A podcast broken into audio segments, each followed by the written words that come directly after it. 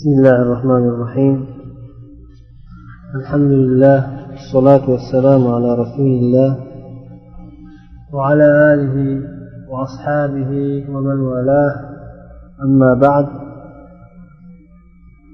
السلام عليكم ورحمة الله وبركاته bugungi darsimiz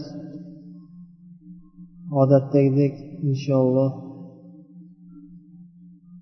buyuk ajdodlarimiz siyratlarini o'qishda davom etamiz.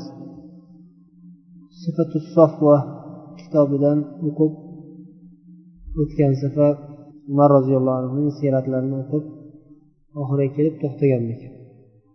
Bugun inshaalloh usmon ibn affon roziyallohu anhu hayotlarini o'qiymiz. Imom ibn javziy rahimaulloh o'zlarini sifatu sofva kitoblarida aytyaptilarki هو أبو عبد الله عثمان بن عفان ابن أبي العاص ابن أمية ابن عبد شمس ابن عبد مناف وأمه أروى بنت كريز ابن ربيعة ابن حبيب ابن عبد شمس عثمان رضي الله عنه dadalarini otlari ibn affon ya'ni affon o'g'illari ibn abil as ibn umayya abdushams payg'ambarimiz bilan uchrashadigan dodalari abdumanof abdumanof degan payg'ambarimizni ajdodlarida bular uchrashishadi. Onalari ham bani abdushamsdan arva degan sahobiya ayol islom kirganlar usmon roziyallohu anhu onalari. Usmon roziyallohu anhu rasululloh sollallohu alayhi vasallamning ikkita qizlarini nikohlariga olishga musharraf bo'lganlar. Birinchi ruqayya alayhissalom va roziyallohu anha payg'ambarimizni ruqayya degan qizlarini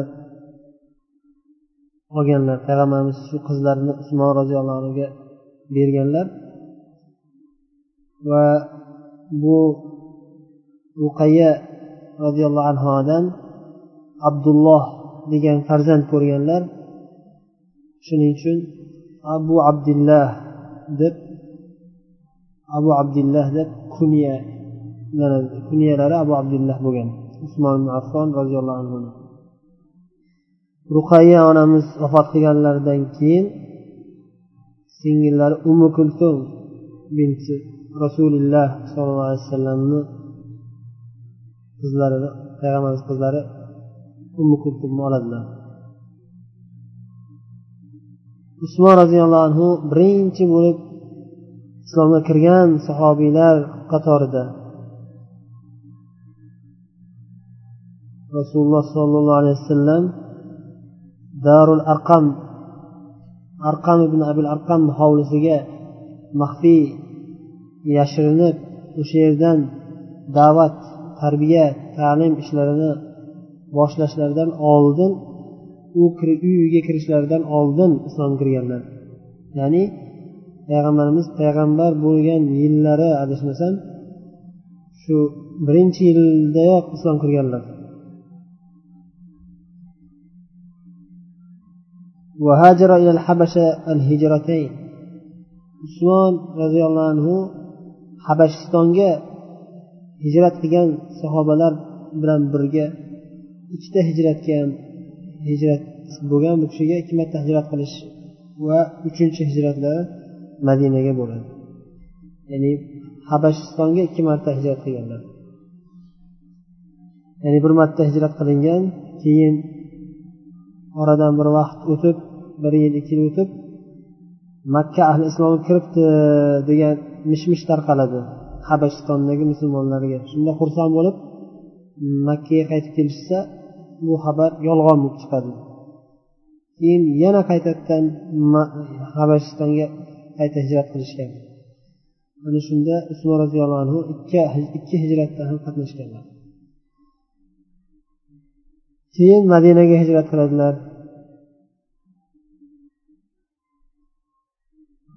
Madinada islom davlati qoyim bo'lib ikkinchi hijriy sana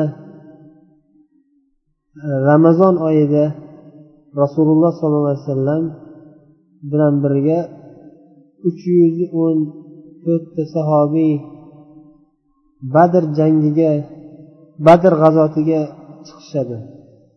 Ya'ni badr jangining qissasi juda uzun. Sizlar o'zinglar ham eshitgansizlar. Qisqachasi boshlanishda ular badr jangi bo'ladi degan hayol ham ularda bo'lmagan. Faqat shu mushriklarni katta bir karvonini yo'ldan to'sib o'sha karvonni egallab olishmoqchi bo'lib chiqishadi. Mushrik makka mushriklari bilan urush davom etayotgan payti. Kim ikki taraf ham bir biriga imkon topganda hujum qilish muhlatida bo'lgan. Shu paytda badr tarafga qarab yo'l olishadiki abu sufyon boshchiligida qaytib kelayotgan katta karvonni ovlashmoqchi bo'lishadi. Lekin u karvon qochib ketadi va bu karvon ovlanib qolmasin deb karvonni himoyasi uchun makkadan mingga yaqin makka mushriklari bostirib kelishadi badr tarafga. Shu tasodifiy keyin badr jangiga aylanib ketadi. Shu badr jangiga chiqib ketishlarida payg'ambar sallallohu alayhi vasallam madinadan chiqishlarida usmon roziyallohu anhuni siz shu qizimga qarab qizimni davolash bilan shug'ullanib turing inshaalloh. Sizga shu ajr katta ajr bo'ladi deb usmonga tavsiya etadilar ya'ni o'sha payt payg'ambarimiz sollallohu alayhi vasallamning qizlari ruqayya roziyallohu anhu kasal bo'lib yotgan bo'ladilar usmon roziyallohu anhu shu o'zlarini ayollari va rasululloh sollallohu alayhi vasallamning qizlari ruqayyaga qarab badr jangiga chiqolmaydilar. Va lekin rasululloh sollallohu alayhi vasallam ruqayya onamizni davolash uchun qolganliklari uchun badr jangiga chiqqanday ajr bo'ladi sizga deb bashorat beradilar va badr jangidan tushgan g'animalaridan usmon roziyallohu anhuga ham ulushlarini beradilar. Shuning uchun xuddi badr jangida qatnashganday savob bor bu kishiga deb aytiladi. Roziyallohu anhu. وزوجه رسول الله صلى الله عليه وسلم أم كلثوم بعد رقية رقية رضي الله عنها keyin keyingi qizlari umu kulsumni ham payg'ambar sallallohu alayhi vasallam usmon roziyallohu anhuga nikohlab beradilar va umu kulsum onamiz ham kasal bo'lib vafot qiladilar ya'ni ruqayya roziyallohu anhu va umu kulsum roziyallohu anhu ikkovlari ham qisqa muddat yashashadi va kasal bo'lib allohning taqdiri va hikmatiga binoan vafot qilib ketishadi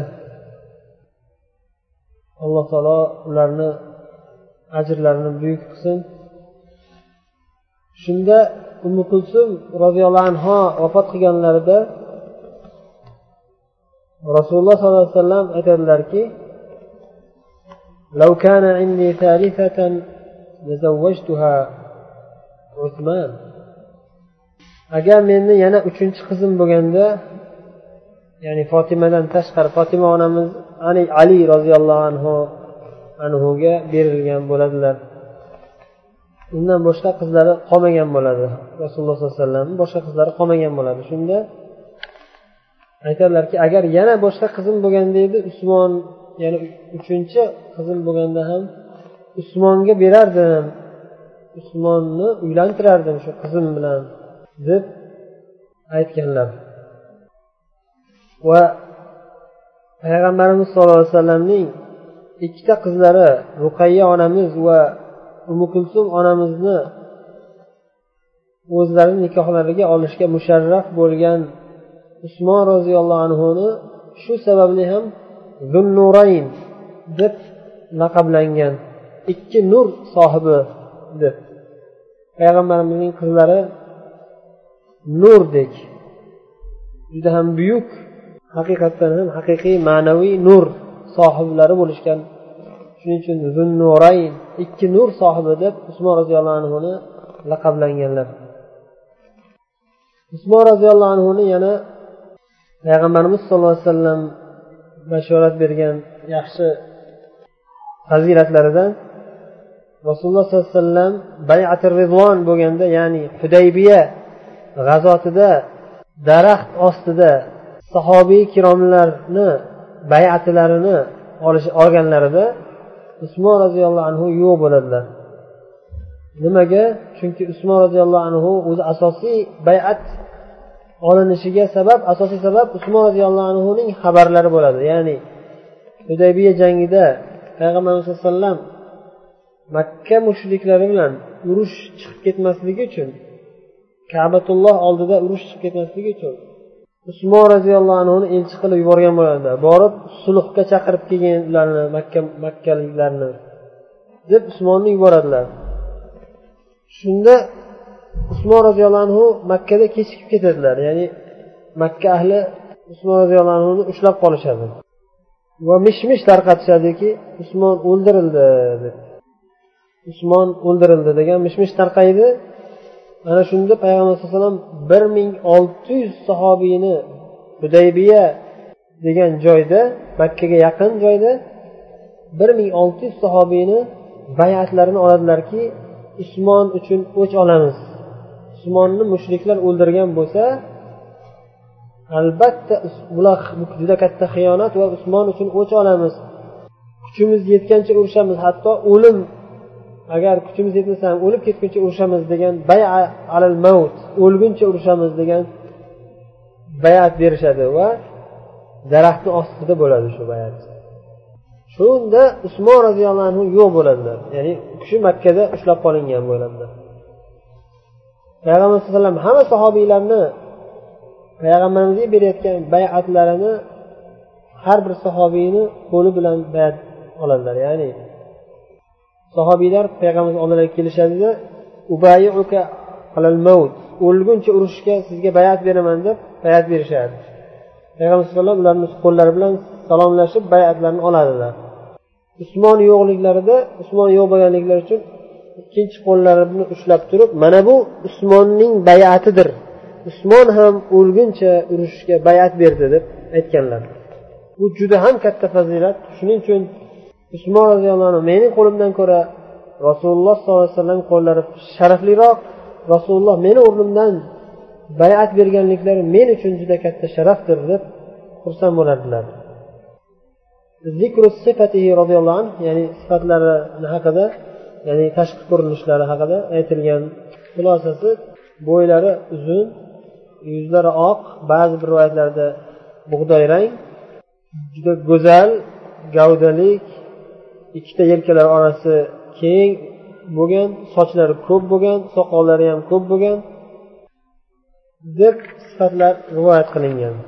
Usmon roziyallohu anhu farzandlaridan abdurahmon o'g'illari bo'lgan ruqayya roziyallohu anhudan va yana bitta abdulloh degan o'g'illari boshqa onadan ya'ni fahita g'azvan degan ayollar ikkinchi boshqa ayollar keyin payg'ambarimiz qizlari vafot etib ketgandan keyin uylangan ayollari va yana amir va xolid va aban va umar va maryam degan farzandlari bo'lgan.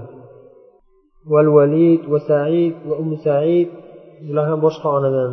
Va abdul malik bu ham boshqa onadan. Va aisha va ummu aban va ummu amr va yana bitta maryam degan qizlari. Va ummul banin va hokazo. Ko'p farzandlar bo'lgan. Eng mashhur farzandlaridan biri abon ibn usmon u kishi hadis rivoyatchilaridan. Zikru jumlatin min favoilihi roziyallohu anhu. Usmon e, roziyallohu anhuning fazilatlaridan bir to'plam rivoyatlarning zikri. Aysha ummul mo'minin roziyallohu anhu rivoyat qiladilar. Rasululloh sollallohu alayhi vasallam uyimda o'tirgandilar. O'tirganlarida sonlari ochiq edi sonlari ochilib qolgan edi. Ya'ni bir qismi sonlarni tizzalariga yaqin qismi ochilib turgan edi. Shunda abu bakr roziyallohu anhu ruxsat so'rab qoldilar. Keldilarda eshikni taqlatib ruxsat so'radilar kirsam bo'ladimi deb. Shu o'tirgan holatlarida rasululloh sallallohu alayhi vasallam ruxsat berdilar abu bakrga. Va abu bakr roziyallohu anhu kirdilar. Rasululloh sallallohu alayhi vasallam sonlarini yopmadilar abu bakrdan. Keyin birozdan keyin umar keldilar. Umar roziyallohu anhu ham ruxsat so'raganlarida rasululloh sallallohu alayhi vasallam o'z holatlarini o'zgartirmagan holda ruxsat berdilar. Ya'ni sonlari ochiq holda edi. Uchinchi kishi kelib ya'ni usmon roziyallohu anhu kelib ruxsat so'raganlarida sonlarini bekitib keyin ruxsat berdilar bir muddat o'tirishdi o'tirib keyin chiqib ketishdi. Chiqib ketishgandan keyin men rasulullohdan so'radim dedilar oysha onamiz. Ey rasululloh abu bakr va umar kirganda sonlaringiz soningizni bekitmasdan ularga ruxsat berdingiz. Usmon kelganda kiyimingizni tashlab bekitib ya'ni soningizni bekitib oldingiz. Bu qanday bo'ldi? deb so'radilar shunda rasululloh sollallohu alayhi vasallam javob qildilarki ya aisha ألا أستحي من رجل والله إن الملائكة لتستحي منه ey oysha men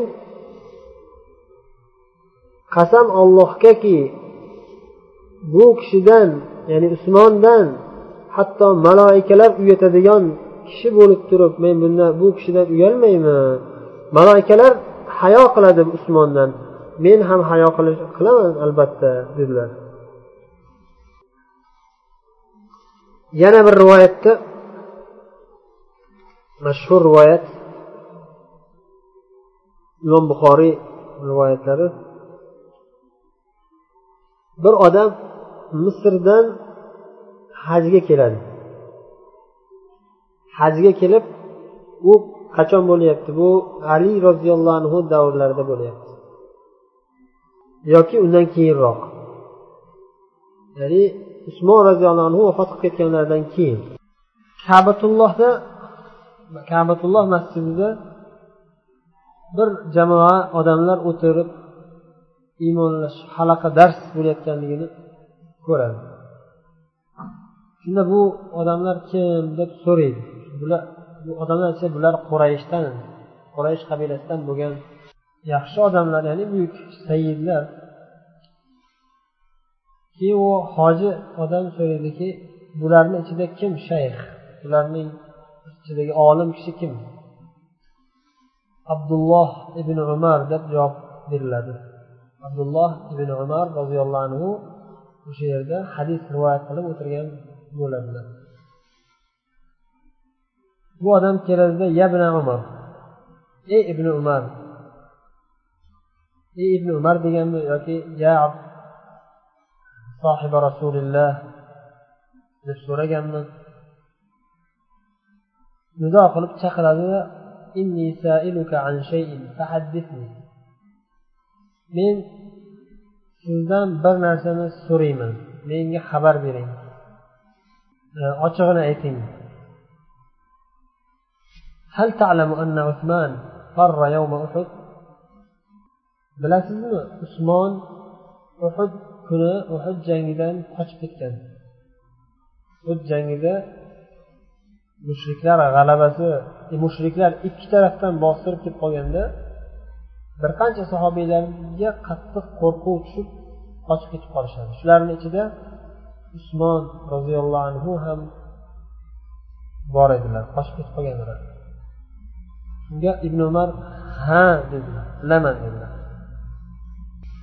keyin u hoji misrlik hoji yana so'radi هل تعلم أنه تغيب عن يوم بدر ولم يشهدها bilasizmi usmon badr jangida qatnashmagan g'oyib bo'lgan buni buni sababini aytdik ha dedilar ibn umar bilaman dedilar. Keyin yana so'radi hal ta'lam annahu taghayyaba an bay'ati ridwan va lam yashhadha? Bay'ati ridwan daraxt hudaybiyadagi daraxt ostida berilgan bay'ati ridvon bay'atidan ham g'oyib bo'lgan o'shanda ham qatnashmagan buni ham bilasizmi? Ibn umar ha bilaman dedilar. buni ham bilaman dedilar nima uchun bayati rizvon deyiladi chunki alloh taolo oyat nozil qilgan لقد رضي الله عن المؤمنين إذ يبايعونك تحت الشجرة daraxt ostida bayat berayotgan mo'minlardan olloh rozi bo'ldi o'shaning uchun o'sha vaqtda alloh rozi bo'lganligi bayati rizvon deyiladi xullas mana shu bayati rizvonda ham qatnashmagan buni ham bilasizmi dedi shunda misrlik hoji ha degan e, ibn umar ha bilaman deganlaridan keyin u misrlik hoji usmonni yomon ko'radigan bo'ladi. Usmon roziyallohu anhuga qarshi chiqqan toifalardan ta'sirlangan bo'ladi. Shunda aytadiki allohu akbar haqiqat bor ekanu deb xursand bo'lib ketadi. Shunda ibn umar javob qiladilarki bu yoqqa kelgin. Men senga sen zikr qilgan hodisalarning haqiqatini bayon qilaman. Uhud jangida usmon roziyallohu anhu qochib ketib qolganliklari men bu haqida men guvohlik berib aytamanki albatta alloh taolo u kishini bu xatolarini afu qildi kechirdi. Alloh u kishiga o'z mag'firatini yog'dirdi. Bu haqida qur'onda o'zi olloh xabar bergan. darhaqiqat olloh ulardan ulardan ularni kechirib yubordi deb oyat nozil qilgan xatolarini kechirib yubordi u gunohlari demak bu xatolari kechirib yuborilgan o'sha holat juda dahshatli bo'lganligi uchun va qasddan bo'lmaganligi uchun alloh taolo kechirib yuborgan وأما تغيبه عن بدر فإنه كانت تحته ابنة رسول الله صلى الله عليه وسلم وكانت مريضة فقال له رسول الله صلى الله عليه وسلم لك أجر رجل ممن شهد بدرا وسهمه ammo badr jangida qatnashmasdan g'oyib bo'lib qolganliklarini sababi rasululloh sollallohu alayhi vasallamning qizlari u kishini ostilarida bo'lgan ya'ni ayollari bo'lgan rasululloh sollallohu alayhi vasallamning qizlari usmonni ayollari bo'lib o'sha vaqtda kasal bo'lgandilar ruqayya onamiz muqayya roziyallohu anhu. Shuning uchun rasululloh sollallohu alayhi vasallam unga kasal bo'lgan qizlarini davolashliklari uchun xohlashliklari lozim bo'lganda aytdilarki badr jangida guvoh bo'lib badr jangida qatnashgan kishilardan bir kishini ajri ya'ni shulardan birining ajri kabi sizga ham ajr bo'ladi. Shu badr jangidan tushgan g'animalardan berilgan ulushdan sizga ham bir ulush beramiz dedilar chunki uzrli bo'lgan shar'iy uzr bo'lgan